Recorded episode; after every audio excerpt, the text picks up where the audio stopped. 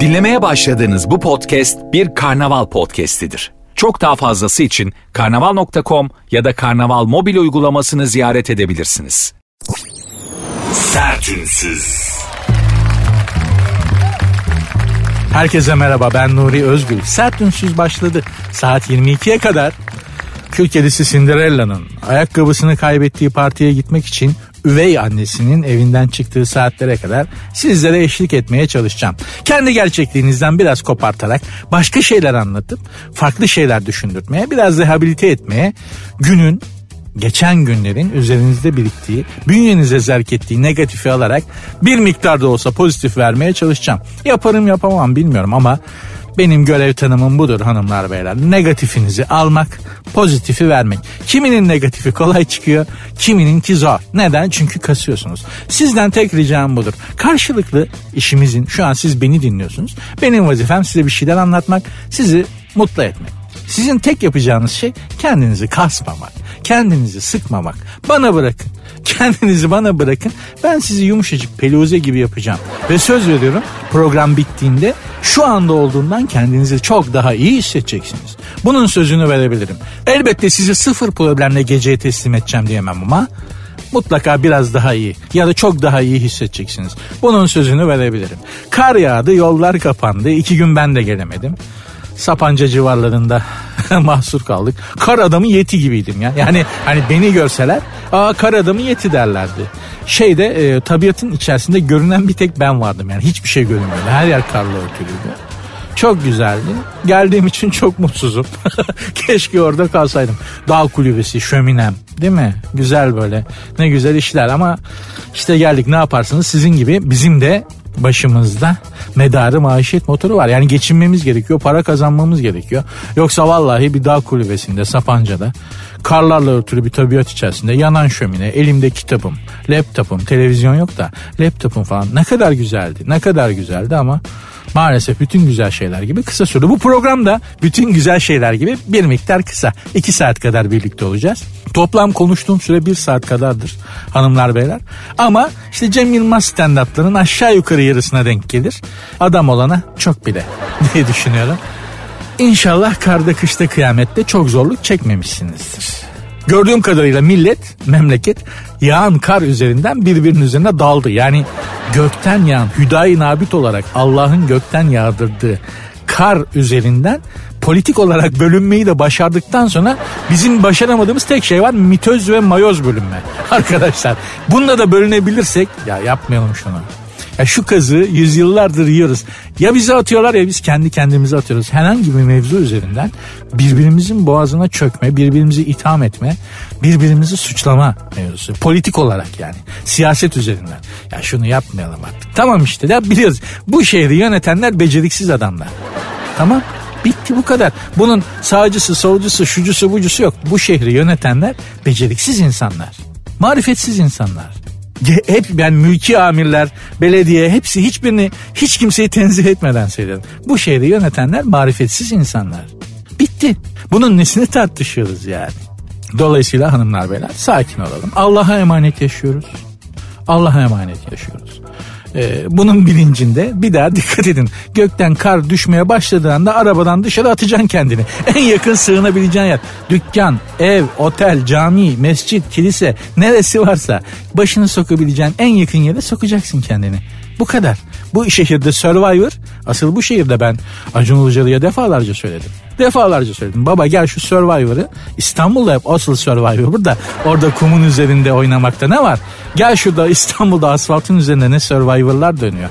Al işte şu yaşadığımız karşıyı bundan hala Survivor mu var ya? Karda kalan mahsur kalan vatandaşlar İstanbullulara söyleniyorum. Yaşadığınız his, korku, adrenalin, e, mahrumiyet hissi değil mi?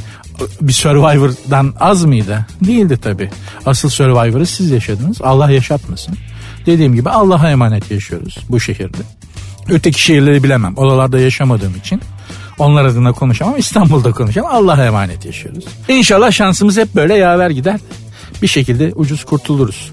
Her gün zaten yaptığımız şey bu. Yani İstanbul'da evden çıkıp sabah akşam eve sağlam dönüyorsan bunun yani iki rekat şükür namazını falan kırman lazım. Allah'a emanet yaşıyoruz çünkü maalesef. Ama merak etmeyin. Giriş biraz sert oldu farkındayım ama hak ettiler. Hak ettiler. Daha fazlasını da hak ettiler de.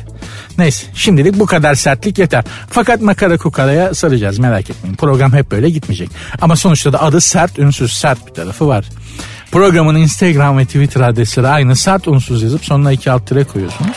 Benim Instagram adresim de Nuri Özgül 2021. Başladık.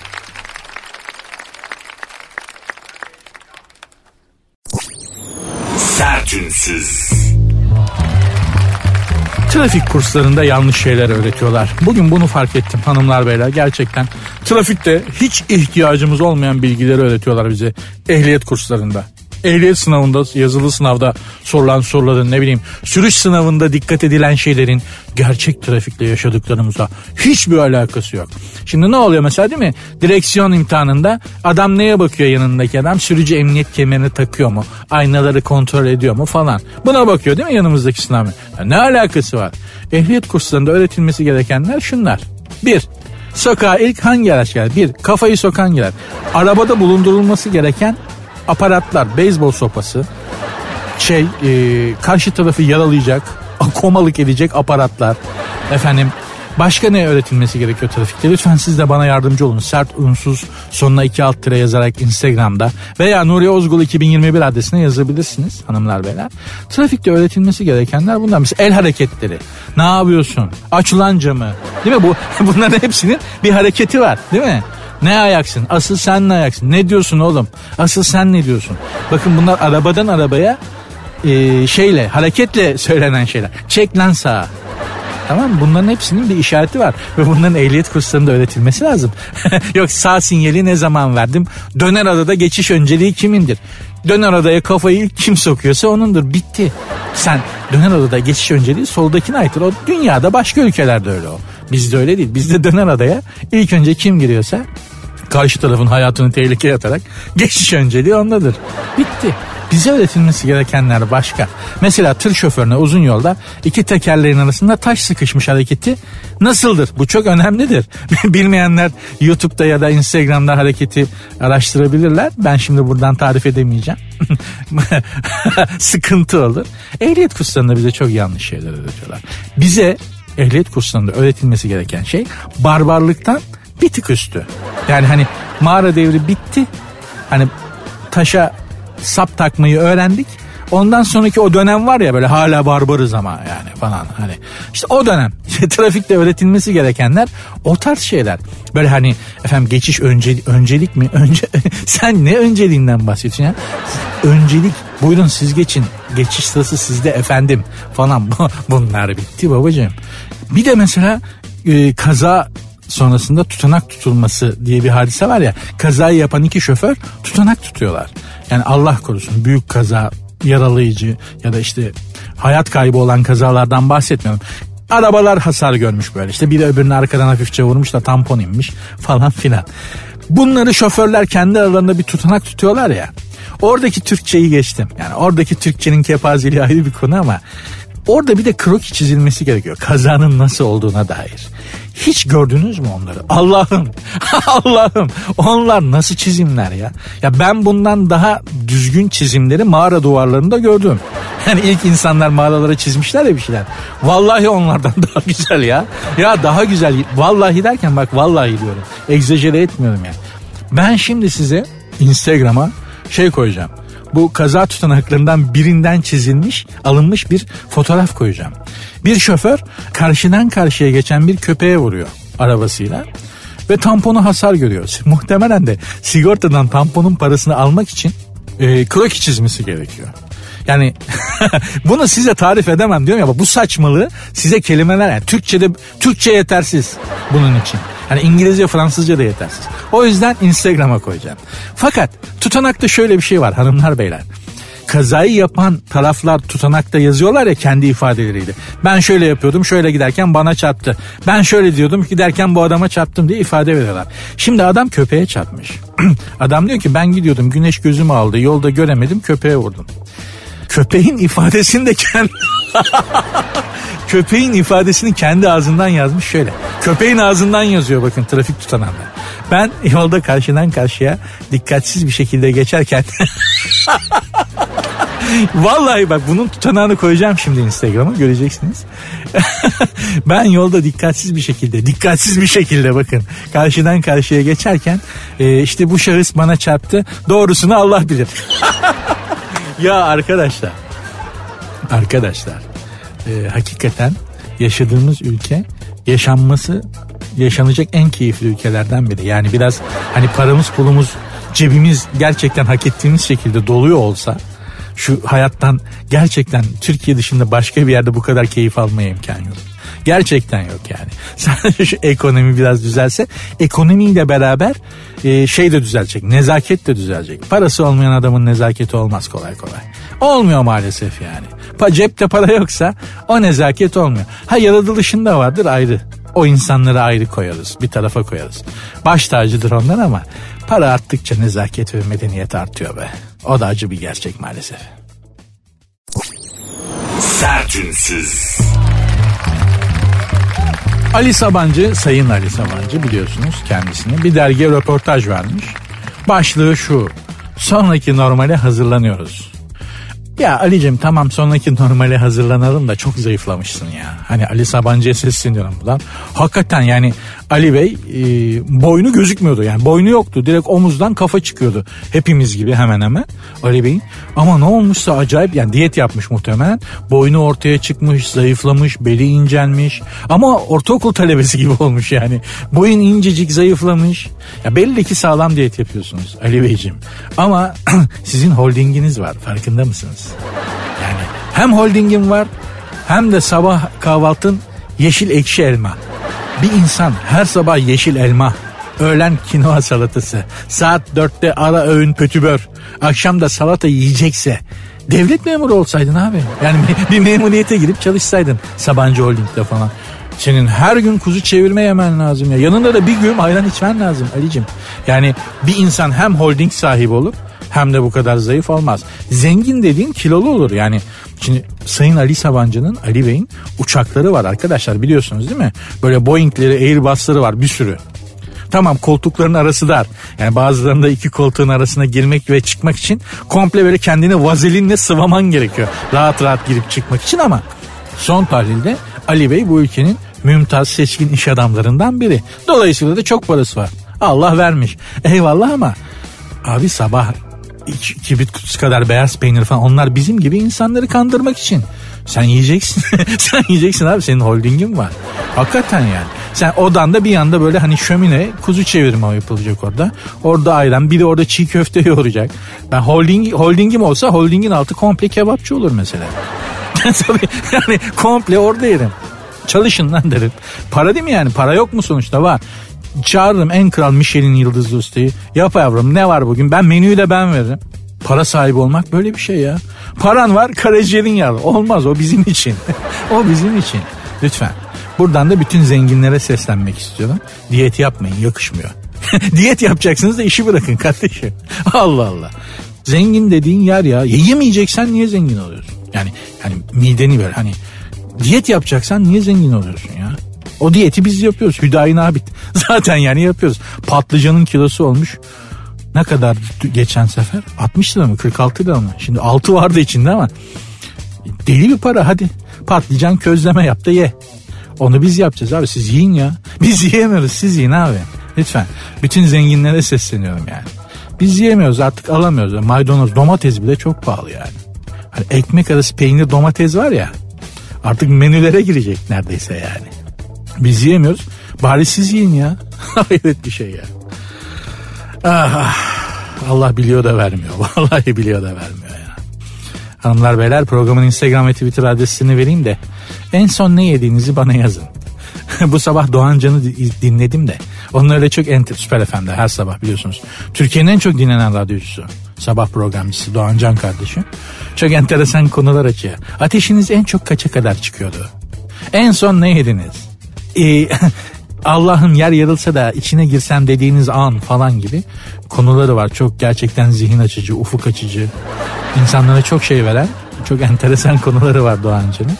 Onun gibi bir şey yapmak istiyorum ben de bir gün. Evet.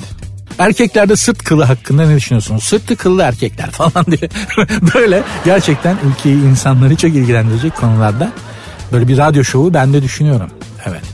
Pantolon paçasıyla çorabı arasında teni gözüken erkeklerin psikolojisi hakkında neler düşünüyorsunuz hanımlar beyler? Ay ay memlekette konu bitmiyor. Sertünsüz. Bugün markette alışveriş yapıyordum. Söylemeseyim. Yani markette alışveriş yapıyordum derken böyle hani kasiyerin önüne malzemeleri yığacak kalibrede bir alışveriş yapmıyordum. Öyle bir delikanlı yok içimizde artık herhalde değil mi? Yani bir markete gidip böyle bir sepet bir market arabasını full fullleyip alışveriş yapabilen bir delikanlı varsa gelsin biz elini öpelim kendisini. Helal olsun yani. Bir şey aldım. Kasiyer kızcağız da şey dedi bana. 5 e, litrelik ayçiçek ya şu kadar e, fiyatı şu kadara indi bir fırsat ürünü düşünür müsünüz dedi. Vallahi hanımefendiciğim hayatımda hiç böyle bir fırsat kollamadım dedim yani. Hiç böyle bir fırsat karşıma böyle bir fırsat çıkarsa ne yaparım diye hiç düşünmedim ki. 5 litrelik ayçiçek yağının fiyatı yarıya inerse almalı mıyım? Hani canım ya hayatta ne insanların karşısına ne fırsatlar çıkıyor. Adamlar nereden, kadınlar nereden nerelere gidiyorlar. Para, pul, servet, kariyer bizim karşımıza da çıkan fırsata bak. 5 litrelik ayçiçek yağının fiyatı %40 inmiş. Hakikaten hayatı sorgulamaya başladığınız zaman insanın kafası bir karışıyor ve morali bozuluyor. Lan bu gerçekten yoksa benim hayatta karşıma çıkabilecek en büyük fırsat mı? 5 litrelik ayçiçek yağının fiyatının şu kadara inmesi. Düşünsene hayatta başka karşına bu büyüklükte bir fırsat çıkmıyor. Ne kadar mantar bir hayat değil mi? Ama aldım tabii. Yani o 5 litrelik ayçiçek yağını aldım. Çünkü belki Allah beni deniyor. Belki Allah beni imtihan ediyor. Dur şuna böyle madiden bir fırsat vereyim. Bakayım nankörlük edecek mi yoksa etmeyecek mi? Etmezsek daha güzel şeyler veririz çocuğa diyor belki. Ne biliyorsun? Hiçbir fırsatı da geri çevirmemek. Küçük büyük demeden her fırsatı değerlendirmek ve hakkını vermek lazım. Hiç belli olmaz. Ben hayatımda büyük başardığım önemli şeylerin hepsi çok küçük şeylerden doğdu. Çok küçük imkanlardan. Hadi canım bu işten ne olur dediğim işlerden doğdu. Şey yapmamak lazım. Yani 5 litrelik ayçiçek yağının fiyatı indi aman bana ne dememek lazım. Aldım duruyor. Mutlaka bir gün bir işe yarar. Belki bir gün kapı çalacak açacağım ve karşımda Monica Bellucci. Elinde de bir tane çay bardağı. Affedersiniz ayçiçek yağınız var mı acaba? Sigara böreği yapacaktım da. Monica Bellucci ama. Niye? ya tamam belki biraz egzajere ediyorum ama Franz Kafka'nın dediği gibi abartıyorum. Çünkü anlaşılmak istiyorum. Belki de hayatımın kadını ayçiçek yağı istemek için kapıyı çalacak. Belki o an için bu fırsat karşıma çıktı. Ne biliyorsun? Değil mi? Tabii hanımefendi var. Buyurun içeri girin. Siz istirahat ederken ben şu çay bardağına ayçiçek yağını koyayım. Ah derim diye böyle olmayacak hayaller peşinde işte bir ömür harcandı gitti. Ama ne yaparsınız ki Namık Kemal'in dediği gibi insan bu dünyada hayal ettiği sürece yaşar. Hayaller tasavvufi boyutta da bir şey söyleyeyim. Hayaller e, şey gibidir. Hayal ettiğiniz zaman semada o kurulurmuş maket gibi. Hani bir bina yapmadan önce maketini yaparlar ya. Semada, yedi kat semada hayaliniz adeta böyle bir çizgi olarak kurulurmuş ve gerçekleşmesi için yapmanız gereken şeyler var.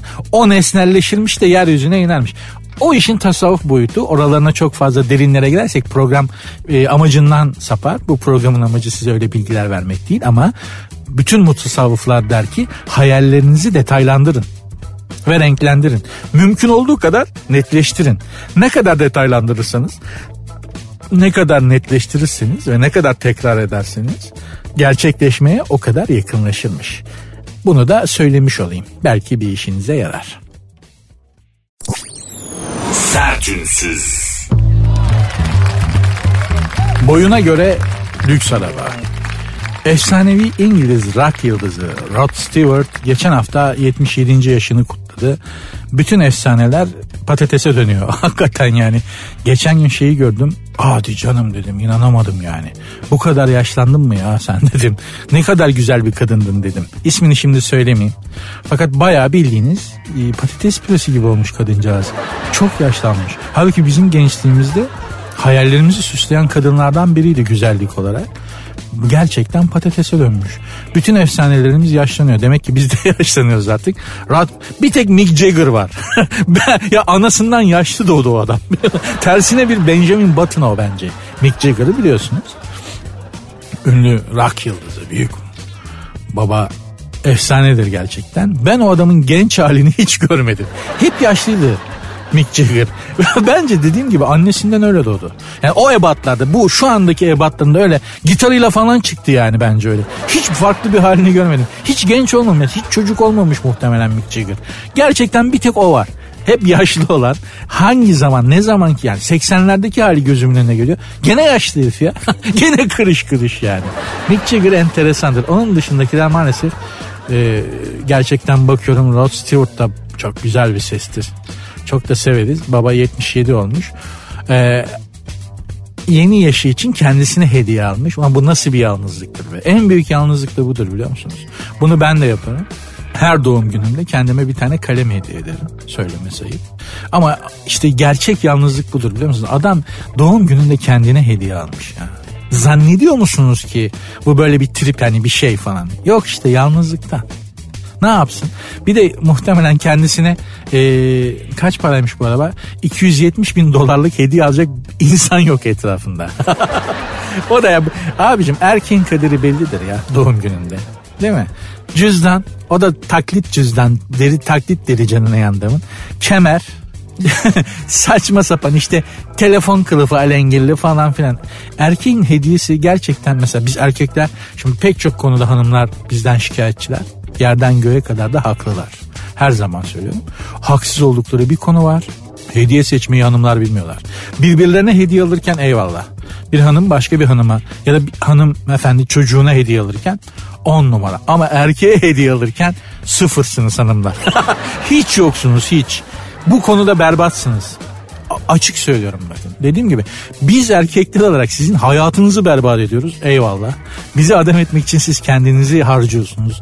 Kendinizden çok şey veriyorsunuz. Yani bizi bir aile yapıyorsunuz. Çocuk veriyorsunuz. Hem çalışıyorsunuz hem çocuk büyütüyorsunuz. Ya her şeye eyvallah. Başımızın üstünde yeri var. Şiddet görüyorsunuz, mobbinge uğruyorsunuz, tacize uğruyorsunuz. Bu dünya sizin için çok zor.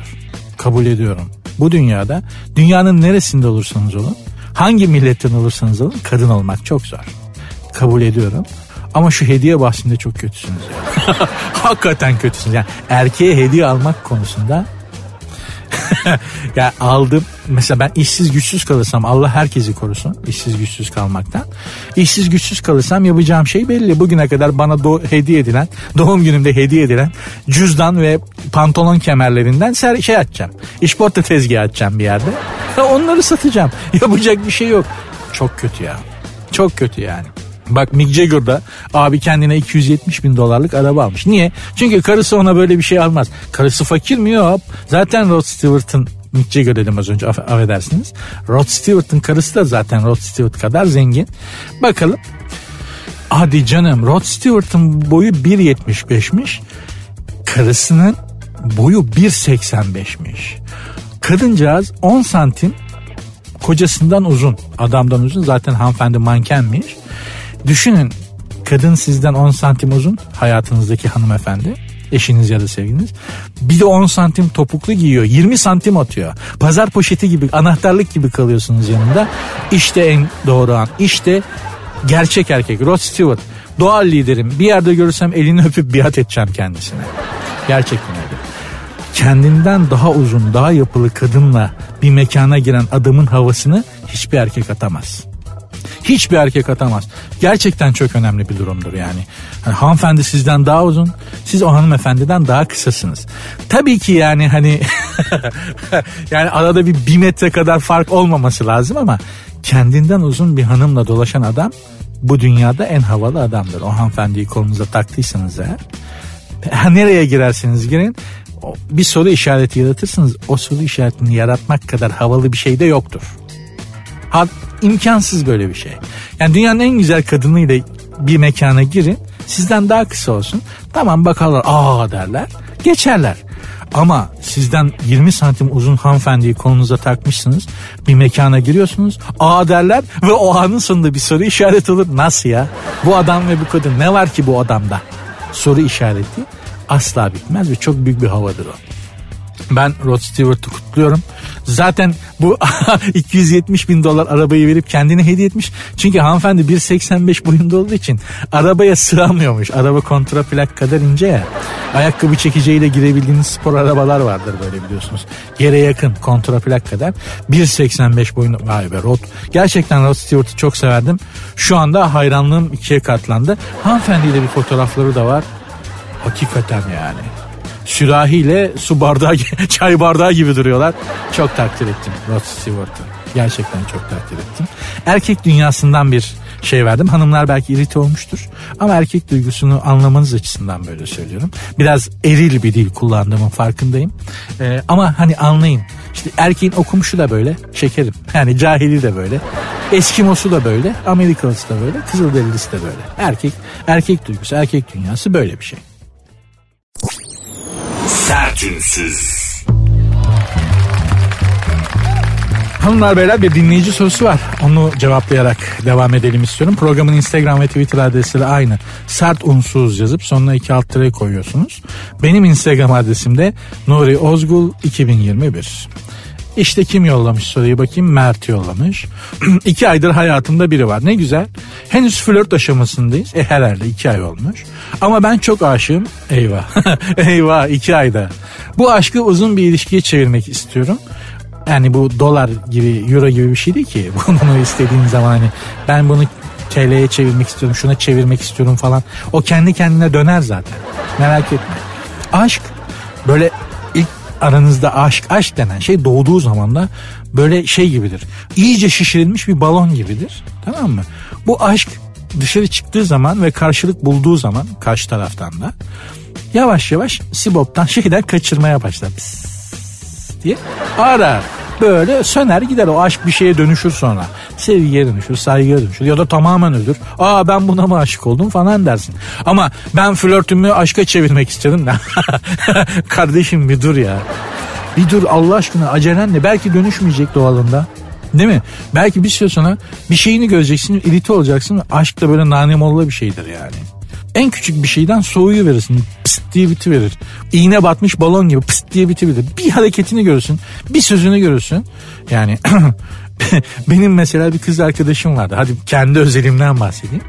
Ya kızın tuhaf bir telaffuzu vardı bankalarla ilgili. Şimdi e, artık o bankalar şeyde olmadığı için hayatta olmadığı için isimlerini söyleyebilirim. Pamuk Bank. Değil mi? Pamuk Bank diye bir banka vardı. Kız şey derdi Pamuk Bankası'na gideceğim. Ben Pamuk Bankası değil buna şöyle deme. Pamuk Bank yavrucuğum ya. Pamuk Bankası. ya, ya, ya o kadar sinir ederdi ki bu beni. Demir Bank vardı mesela. Demir Bankası'na gideceğim. Ha, Demir Bank'a gideceğim. Ne bir Demir Bankası. Delirtme beni kadın ya. Yok hala. ya Allah'ım bak aklıma geldi gene sinirlerim bozuldu. Diyeceksiniz ki bu mu yani? Yani bu mu? Evet bu. İşte aşk böyle bir şeydi yani. Anlatabiliyor muyum? Olmadık bir şeyden irite olabilirsiniz. Aşk böyledir yani. İşte bu. Beni dinle. Ya banka işimiz olacak diye kızla o kadar korkuyordum ki. Pamuk Bankası'ndan aradılar Nuri. Bak yavrum bak aşkımız bitecek böyle giderse. Yapma bunu. Pamuk Bankası deme şuna. Deme falan diye. Mesela bu bir örnekti hanımlar beyler. Diyeceğim şu hemen ilişkini aşka çevirmeye çalışma. Belki de o aşka dönüşmeyecek doğalında onu söylemeye çalışıyorum. Daha önce en uzun ilişkim sadece 6 ay sürdü. Bu konuda ne yapacağımı açıkçası bilmiyorum. Kız arkadaşım çok sevecen, güler yüzlü ve pozitif bir insan. Bense biraz daha agresifim ama bunu törpüleyim. Ben bunu cevapladım mı ya? Neyse cevaplamadıysam da tek cevapladıysam da tekrar cevaplayayım. Şimdi tamam olur. Yani bu aşk senin açından hiç yorucu olmaz. Sen kızcağız için ama ömür törpüsü olursun yani. Kızcağız sakin, mutedil, daha diplomat belli ki sen biraz daha agresifsin. Seni hep dengelemeye çalışa çalışa kızcağızın yani senin flörtün aşka dönüşür de muhtemelen de kızın aşkı nefrete dönüşecek. Bir gün öyle söyleyeyim. Tiksinecek senden ama her şey için çok geç olacak. Sana alışmış olacak çünkü. Nedir? En büyük hakikatlerden birisi alışkanlık aşktan büyüktür. Bu yüzden kopamazsın. Aşk biter ama yerini alışkanlığa bırakır ve alışkanlığı terk etmek aşkını terk etmekten, sevdiğin insanı terk etmekten çok daha zordur. Müzeyyen Senar söylemişti onu hiç unutmuyorum. Ah o alışkanlık ah demişti. Ah alışkanlık yok mu aşktan da beter demişti Müzeyyen Senar. Sonradan başımıza geldi öğrendik doğrudur. Alışkanlık aşktan daha büyük daha güçlü bir şeydir ve onu terk etmek çok zordur. Hayatınızda alışkanlığa dönüşmek üzere olan şeylere de çok dikkat edin. Özellikle de insanlara. İnsanlara alışırken çok dikkatli olmakta da fayda var. Ee, şeyinle acele etme. Aşkımı, flörtümü aşka çevirmek istiyorum falan gibi saçmalıklar yapma. Akışına bırak. O kendi kendine neye dönecekse döner. Sıkıntı yaratma kendine. Kızcağıza da. Kızcağıza üzüldüm ama. Yani gerçekten zor bir hayat olacak. Sertünsüz. En çekici erkek tipleri açıklanmış. Hanımlar gözünüz aydın. En çekici erkek tipleri açıklanmış. Böylece ilişkilerde şansınız artacakmış. Neymiş bakalım? En çekici erkek tipleri. Elbette her insan kendine has özellikle ta- özellikler taşır. Ancak bazı özellikler kadınları gerçekten çekiyormuş. Neymiş işte bu özellikler? En çekici erkek tipleri özellikleri bilgi adamlar. Akıllı adamlar ifadesinin bir dizi farklı anlamları vardır. Çekici ve e, aurası olan gerçekten gerçekten çekici olan erkekler bilgi adamlardır. Bilgeli olan adamlardır demişler. Bu dünyayı onlardan öğrenirsiniz ama hayatınızda kayar. Çünkü bir adam ne kadar bilgeyse e, hayat konusunda da o kadar acemidir. Bakınız Albert Einstein. Bir gün buna e, bir su faturası bir şey yatırması için sokağa çıkıyor. Hayatında ilk defa böyle bir şey yapacak. Çünkü adam evrene kafa yormuş o güne kadar hep. Hiç sokaktaki hayatla dışarıdaki hayatla ilişkisi olmamış ki. Evren, kara delikler, izafiyet, enerji, madde bunlara kafa yormuş adam hep. Hiçbir şey bilmiyor hayata dair yani. E, iki gün aramışlar. su faturası mı eve su mu ne bağlatacakmış işte. Bir problem var yani suyla ilgili. Su dairesine suyla ilgili şeye gidecek. Yapamamış. İki gün aramışlar kaybolmuş. Becerememiş. Yani bu kadar şey dışarıdaki hayata dair e, hiçbir şey bilmiyor. Bir insanın bir erkeğin bilgeliği ne kadar artarsa hayata dair acemiliği de o kadar artar. Bakınız Albert Einstein iki gün sonra karakol bir karakoldan çıkmış. Eğlenceli adamlar e, eğlenceli adamlar da çekici erkekler listesine giriyormuş. Doğrudur. Gerçekten çekici olan eğlenceli adamlar bulundukları ortamda zorlamadan eğlence yaratabilenler ve ortama doğal bir pozitif enerji yayanlardır ki en problemli erkek tipi bundur. Hanımlar beyler. O eğlence o böyle hani her gittiği ortama enerji götüren, neşe götüren adamlar baş başa kalın sizi ağlama duvarına çeviriverirler. Kaçacak delik ararsınız. O muhtemelen o fazla enerji, o aşırı eğlencelilik hali bir şeylerin üstünü örtmek içindir. Anlatabiliyor muyum? Dolayısıyla da dikkat edin. Sosyal ortamlarda takılabilirsiniz. Hep beraber hop bidi bidi çok eğlendirir. Baş başa kalın biraz ilişkiniz derinleşsin. Aman Allah'ım bu neymiş diye kaçacak delik ararsınız. Ee, ama her şey için çok geç olur. Maalesef o kadar eğlenceli değillerdir baş başa kaldığınızda yani. Biliyoruz da konuşuyoruz. Başarılı adamlar. E bu ciddi olmanın da ha bir dakika pardon. Başarılı adamlar. Çekici erkeklerden biri de çekici erkek özelliklerinden biri de başarılı adamlarmış. Ee, başarılı adamlar bir şeyde iyi olan ve bu yeteneği somut başarıya dönüştüren bir adamdır. Ve kadınlara oldukça çekici gelirler gibi kötü bir Türkçeyle yazılmış. Gerçekten de başarı erkeği olsun kadın olsun ışıldatır parıldatır ya adeta içeriden dışarıya bir floresan lamba yanıyormuş gibi böyle. Parlar adam ya ya da kadın. Başarı öyle bir şeydir. Ama maalesef başarı da bir ciladır. Yani sonuçta onun başarısıyla birlikte olmuyorsun ki kendisiyle birlikte oluyorsun. Başarılı insanlar bir şeylerden vazgeçtiği için başarılı olmuşlardır bir şeyleri erteledikleri için başarılı olmuşlardır. Ve muhtemelen de o bir kusur olarak hayatlarında vardır hepimizde olduğu gibi. Siz ona siz o başarılı, o ışıltılı, o böyle Olimpos'tan iner gibi karizmatik başarılı adamın o yönüyle karşılaşınca yani uyurken parmağını yemiyor mesela. Değil mi? En başarılı iş adamı ödülünü almış. Adam yum yum yum yum diye baş parmağı yemiyor. Hadi buyur ne oldu o karizma? Ne oldu Olimpos tanrısı Zeus? Anne diye sayıklıyor rüyasında falan mesela yani. Diyeceğim şu. Başarıya da aldanmamak lazım. Evet başarılı insan güzeldir, iyidir ama ah ah ah. Onun arka planında kim bilir neler var. Mesela cömert adamlar. Ah bak cömertlik. Yani büyüleyici gelir mi bir kadına bilmiyorum. Gelir muhtemelen ama e, cömert insan hani bu adamlıktan da çıkartan sadece erkekte değil kadında da cömertlik gerçekten çok etkileyicidir. Cömert insanlar her zaman karşısındakini etkiler. En basit cömertlik de selam vermektir. Tanıdık tanımadık herkese. Yani cebinde paran yok. Nasıl cömertlik yapacaksın değil mi? Soruyorsun mesela. Selamlaşmak, hatır sormak en temelde cömertliğin odur. Biliyoruz da konuşuyoruz. Sağlıklı adamlar bunlar da şey spor salonlarından çıkmazlar. Dumbbell'ın sapından vazgeçemez bunlar da. Hakikaten öyledirler yani. O dumbbell'ın sapına illa yapışacak ya. İlla yapışacak. Sevgilisini bile bırakır sporu bırakamaz adam. Bir de öyle enteresan muhabbetleri vardır. Ben işte bugün şu kadar attım. İşte şey yedim proteini pilavdan aldım da oradan başka bir dünyadır yani. O dünyaya girebilirseniz çünkü onun bitmez o geyiği. Bugün spor salonunda şöyle yaptım. Ağırlık bilmem kaç kilo ağırlık taktım da şöyle set atıyorum da birinin lifi attı da protein tozu da aman aman aman o muhabbet hiç çekilmez. Bana öyle gelir hep. o muhabbet hiç çekilmez. Ben çekemem. Ama o dünyaya girerseniz de herhalde çok eğlenirsiniz. Sporcu erkeklerin problemi biraz şeydir. Ee, bunlarda pişik, pişik ve mantar çok olur dartay yedikleri için. Onun dışında da başka bir problemler olmaz. Spor yapan herkes sağlıklı mıdır? Hayır. Hayır değildir. E, hareketli insanlar sağlıklıdırlar. Spor yapmak hareketli olmak anlamına gelmez. Özellikle de mesela koşu konusunda değil mi?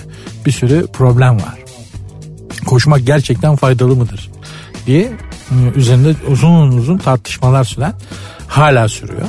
Ee, hareketli olmak spor yapmak anlamına gelmez. Bin, bana üste para verseler gidip de o spor salonunda ağırlık kaldırmam. Kaldırmam. bana yaptıramaz o dumbbell mumble. Dünyanın en boş işleri gibi geliyor ama bunu bir hayat tarzı haline getiren insanlar da var. Onlara da hürmetimiz sonsuz. Onlar da öyle mutlu oluyorlar.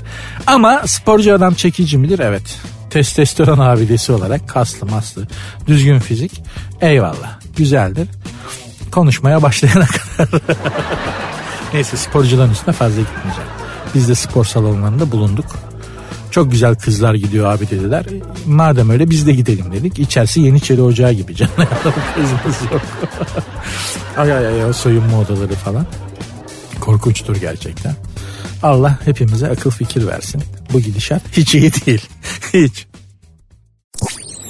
Sertünsüz. Bir dinleyici sorusu daha var hanımlar beyler onu da cevaplayalım. Programın Instagram ve Twitter adreslerine sorularınızı yollayabilirsiniz. Instagram ve Twitter adresleri aynı. Sert unsuz yazıp sonuna iki alt tire koyuyorsunuz. Benim Instagram adresim de Nuri Ozgul 2021. İşte sorumuz şu. 9 yıldır süren bir ilişkim vardı. İyi de gidiyordu. Maddi manevi yanında oldum. Neredeyse her şeyimi verdim. Çok ama çok fedakarlık yaptım. Kirasını, aidatını, yeme içme ne varsa 9 yıldır ben karşılıyorum. Soruyu gönderen bir erkek. Böyle bir soru olduğu için ismini okumadım. Aralık ayında annesinin yanına gitti ve bir daha geri dönmedi. Son 6 aydır sadece 4 kez telefonda görüştük. Umursamaz bencil oldu. Geri dönmüyor ve annesini bahane ediyor. Ne yapacağım diyor. Şöyle yapacaksın başka birini bulacaksın. o gitmiş artık anlamıyor musun? Bana niye soruyorsun kardeşim? Estağfurullah. Tabii ki çok teşekkür ederim. Bana sormak nezaketini gösterdiğin için ama hani bu cevabı olan bir soru. Sen muhtemelen bu cevabı kendi kendine vermekten korktuğun için başka birinden duymak istiyorsun. E, hatun gitmiş kardeş yani hani gitmiş artık o. Zaten e, sana kendini de biraz baktırmış yığılmış anladığım kadarıyla. Bir de sen de zannediyorum sevdiğin biri için ee, onun için çok fedakarlık yaptım. Kirasını, aidatını, yeme içme ne varsa 9 yıldır ben karşılıyorum. Demezsin değil mi? Sevdiğin biri için bu şekilde ifade etmezsin en azından. Belli ki sen de sevmemişsin çok fazla. 9 yıldır nasıl sürdü diyeceksiniz. Az önce cevabını verdim. Alışkanlık. Alışkanlık aşktan daha tehlikelidir insan ilişkileri açısından. Aşık olursanız ayrılabilirsiniz, acı çekersiniz. Ama alışmışsanız ayrılamazsınız ayrılamazsınız. Bakın hatun gitmiş. Belli ki alışmamış da 9 yıldır. Sana pek de alışmamış öyle belli bir mesafede tutmuş kendini. Gitmiş ama sen alışmışsın belli ki. Bana soruyorsun ya. Soruyu bana bile bana bile ne yapacağım diye soruyorsun. Çünkü onun gitmesini istemiyorsun. Yeni birine alışmak zor. Gerçekten zor. Ama senin yapman gereken de artık bu hanımefendiyi unutmak. Unutabilir miyim? Unutacaksın. Unutursun merak etme. Neler unutulmuyor ki? Biz kimleri unuttuk dermişim. Yok be. Ama şöyle söyleyeyim. Yani hayatıma giren kadınlar içerisinde unutulmaz olan bir kadın var mıydı? Açık söylüyorum bakın bütün yürekliliğimle. Yoktu. Hı. Belki Monica Bellucci bir gün hayatıma girerse onu unutamam. Onun dışında da unutulmayacak bir kadın ve bir erkek var mıdır? Tabii ki vardır. Latife ettiğime bakmayın. Zor. Deler de geçer. Ama 9 yıl falan bir şey söyleyeyim. İyi, iyi kandırmış seni yalnız. Hakikaten yani. İyi kandırmış. Ha, ayrıca hadi abi ben yapamıyorum edemiyorum şey sen git onun yanına bir git bakalım nelerle karşılaşacaksın neler görün muhtemelen çok kızacaktır gittiğin için yani kapıyı yüzüne çarpacaktır falan çok çirkin şeyler yaşarsın o yüzden bence gitme hiç olmazsa bu kadarıyla kalsın hayatında kardeşim beni de gerçekten gönül abiye çevirdiniz ya öyle yaptınız böyle yaptınız insan ilişkileri konusunda sanki duayenmişim gibi bana sürekli ilişkilerle ilgili sorular soruyorsunuz. Ee, size bari son bu konudaki son tavsiyemi vereyim. Aşık olmayın kardeşim. Acı çekmekten korkuyorsanız, problem yaşamaktan, aklınızın karışmasından, ruhunuzun incinmesinden, içinizin sıkılmasından korkuyorsanız ya aşık olmayın. Aşık olmak böyle bir şey. Allah Allah. Biliyoruz da konuşuyoruz. Başımızdan geçti bunlar. Sertünsüz. Courchevel. Courchevel Fransa'da. E, Fransız Alplerinde ünlü bir kayak merkezi. Aslında Kurşavel bizim vilayetlerimizden biri sayılabilir. Çünkü İstanbul Sosyetesi bu Kurşavel denen yere gidip kayak yap, yapmayı çok severler. Nedense İstanbul'da kayak merkezi yokmuş gibi. Kurş, ama Kurşavel de çok güzel bir yerdir. Vaktiyle gittik. Neyse onu anlatacağım size. Zaten Kurşavel mevzusu şu yüzden açıldı. Bu sömestr tatiline fırsat bilen İstanbul Sosyetesi Kurşavel'e akın etmiş. Bu Kurşavel'de gerçekten mesela müzikler Türkçe çalar, kafelerde falan. Yani Fransız Alplerinde bir yer ama o kadar çok Türk gider ki genelde de bunlar sosyete dediğimiz insanlar. Yani sosyete olmadığı halde sosyete zannettiğimiz yani zengin olduğu için sosyete zannediyoruz ya pek çoğunu. İşte böyle yani hani bu tür bu kalibrede insanlar Kurşavel'e giderler. İşte orada eğlenirler falan filan. Gerçekten kafelerde Türkçe menüler vardı. Avrupa'da başka bir yerde bulamazsın mesela. Kurşavel'de Türkçe restorana gidersin Türkçe menü gelir önüne yani. Öyle o kadar çok Türk'ün gittiği bir yerdir. Bu pandemi mandemi o bu derken Allah Allah Kurşavel'e Avrupa Sosyetesi bizden daha fazla gitmiş. Sayısal üstünlüğü kaybetmişiz. Bunu da gurur meselesi yapmış bizim İstanbul Sosyetesi. Lan nasıl olur ya? Kurşavel bizim vilayetlerden biriydi. Neredeyse plaka verecektik. Olur mu kardeşim diye. Bu sömestrde Kurşavel'e akın etmişler. Ve kimmiş bakalım bu mümtaz insanı gerçekten ismini e, söylemem gerekiyor burada. Fransız Alplerinde Kurşavel'de Türk bayrağını sallamış. Kim? Ünlü iş insanı İlhan Karadeniz. Bir alkış Fatih. Efekt benim elimde değil de. Fatih'im İlhan Karadeniz ünlü iş insanımız. Ee, sanki iş hayvanı oluyor mu ya? Ne demek iş insanı ya? İş adamı. Valla iş insanı deyimi ne demek ben bunu anlamıyorum ki. İş hani cinsiyet kadınsa iş kadını erkekse iş adamı. Bu kadar iş insanı ne ya? Hayret bir şey. Ee, İlhan Bey, İlhan, Sayın İlhan Karadeniz iş adamımız. Ee, dağın Kurşavel Dağı'nın en ünlü mekanında Türk bayrağını dalgalandırmış. Bir masanın üzerine çıkıp bayrağımızı sallayarak çalan Türkçe şarkılara eş, eşlik etmiş Sayın İlhan Karadeniz ve çok eğlenmiş. Ve bu yıl yine Kurşavel'de Türk rüzgarı esiyormuş ki bir zamanlar ben de Kurşavel'e bir kere gitme şansı bulmuştum. O zamanlar kız arkadaşım Fransızdı. Ben de Kurşavel'e gitmek istediğimi söyledim. E, ne yapacaksın orası Türk dolu zaten. Hani değişik hani buraya geldim madem neden tekrar Türklerin arasına gidiyorsun? Değişik bir yerlere gidelim falan filan dedi. Ya merak ediyorum bu Kurşaveli bizim oralarda çok popülerdir dedim. Gittim gerçekten de çok çok güzel bir yer. Hakikaten çok güzel bir yer. Ama hani mehter çalıyor. ne ne ne. mehter marşı çaldığını duydum ben mesela. Kurşavel'de. Mehter çalıyor Fransız Alplerindesin. Mehter çalıyordu ya. Şey e, bir de hani şimdi sosyete diyoruz ya. Tabii dolayısıyla orada çalışanlar da Türkçe kelimeler, Türkçe ifade hitap şekilleri e, öğreniyorlar. Çünkü müşterilerin hepsi Türk neredeyse. E, şeyde bir oturduğumuz oturduğumuz otelin kafesinde adam şey dedi buyur dayı. Nasıl? Ulan buraya hangi sosyete geliyor? Değil mi yani? Buyurun efendim. Ne istemiştiniz beyefendi? Hoş geldiniz efendim. adam böyle buyur dayı. Garsona kim öğretti ona Türkçeyi çok merak ettim yani. Buyur dayı ne ya? Kurşavel'de Fransız Alplerinde 2000 metrede kulağıma gelen şey bu yani.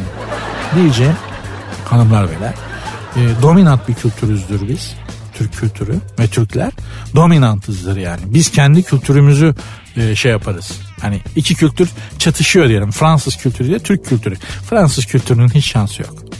Gerçekten ya da Alman ya da Amerikan hiç şansı yok. Hiç. Mutlaka kendimize benzetiriz. Mutlaka ama. Bu da güzel bir şey ayrıca. Sertünsüz.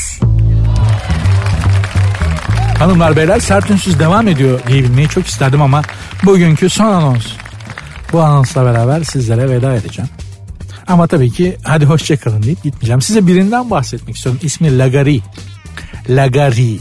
Kendisi 4. Murat devrinde yaşamış. Aslında bir bilim adamı hafif kafayı kırmış belli ki.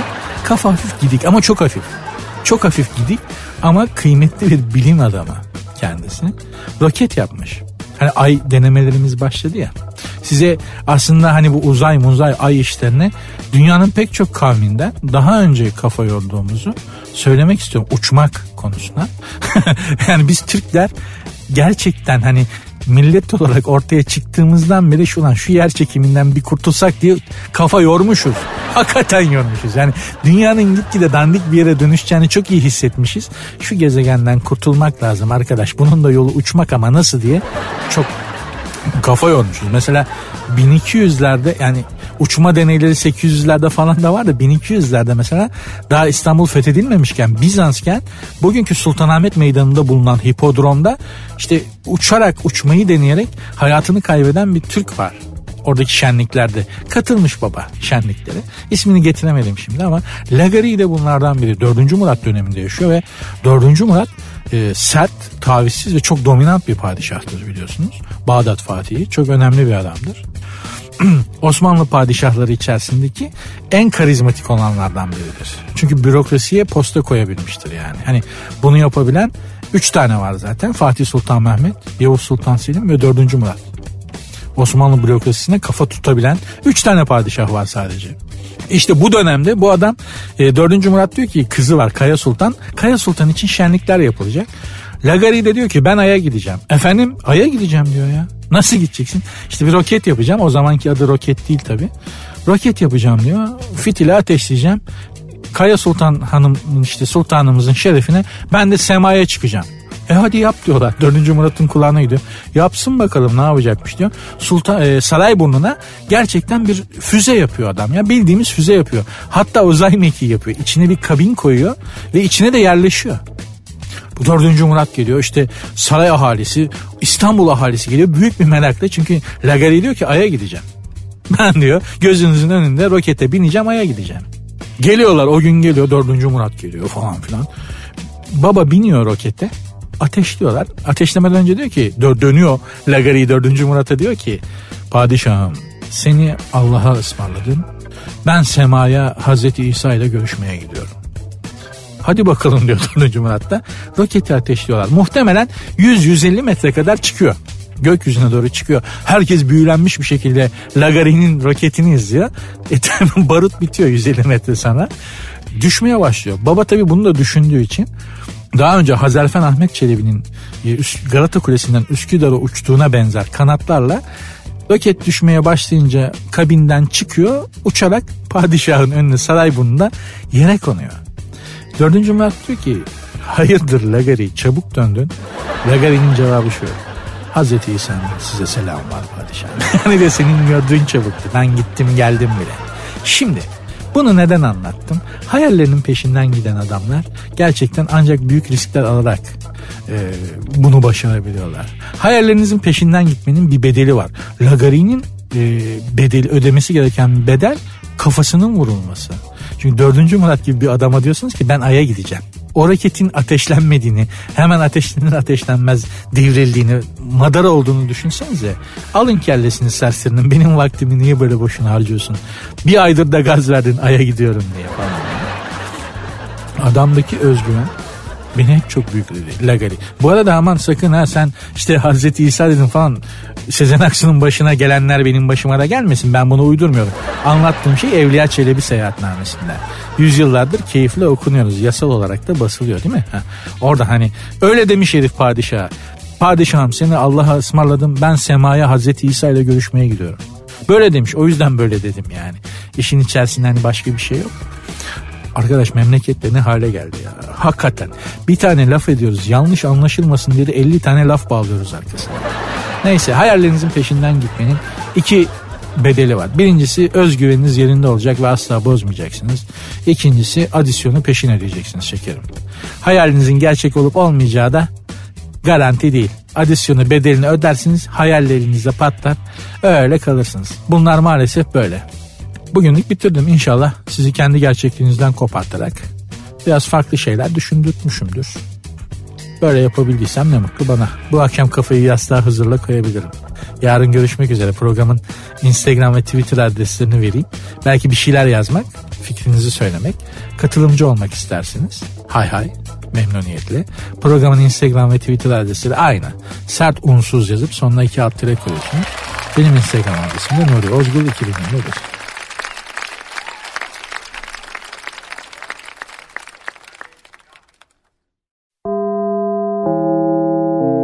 Dinlemiş olduğunuz bu podcast bir karnaval podcastidir. Çok daha fazlası için karnaval.com ya da karnaval mobil uygulamasını ziyaret edebilirsiniz.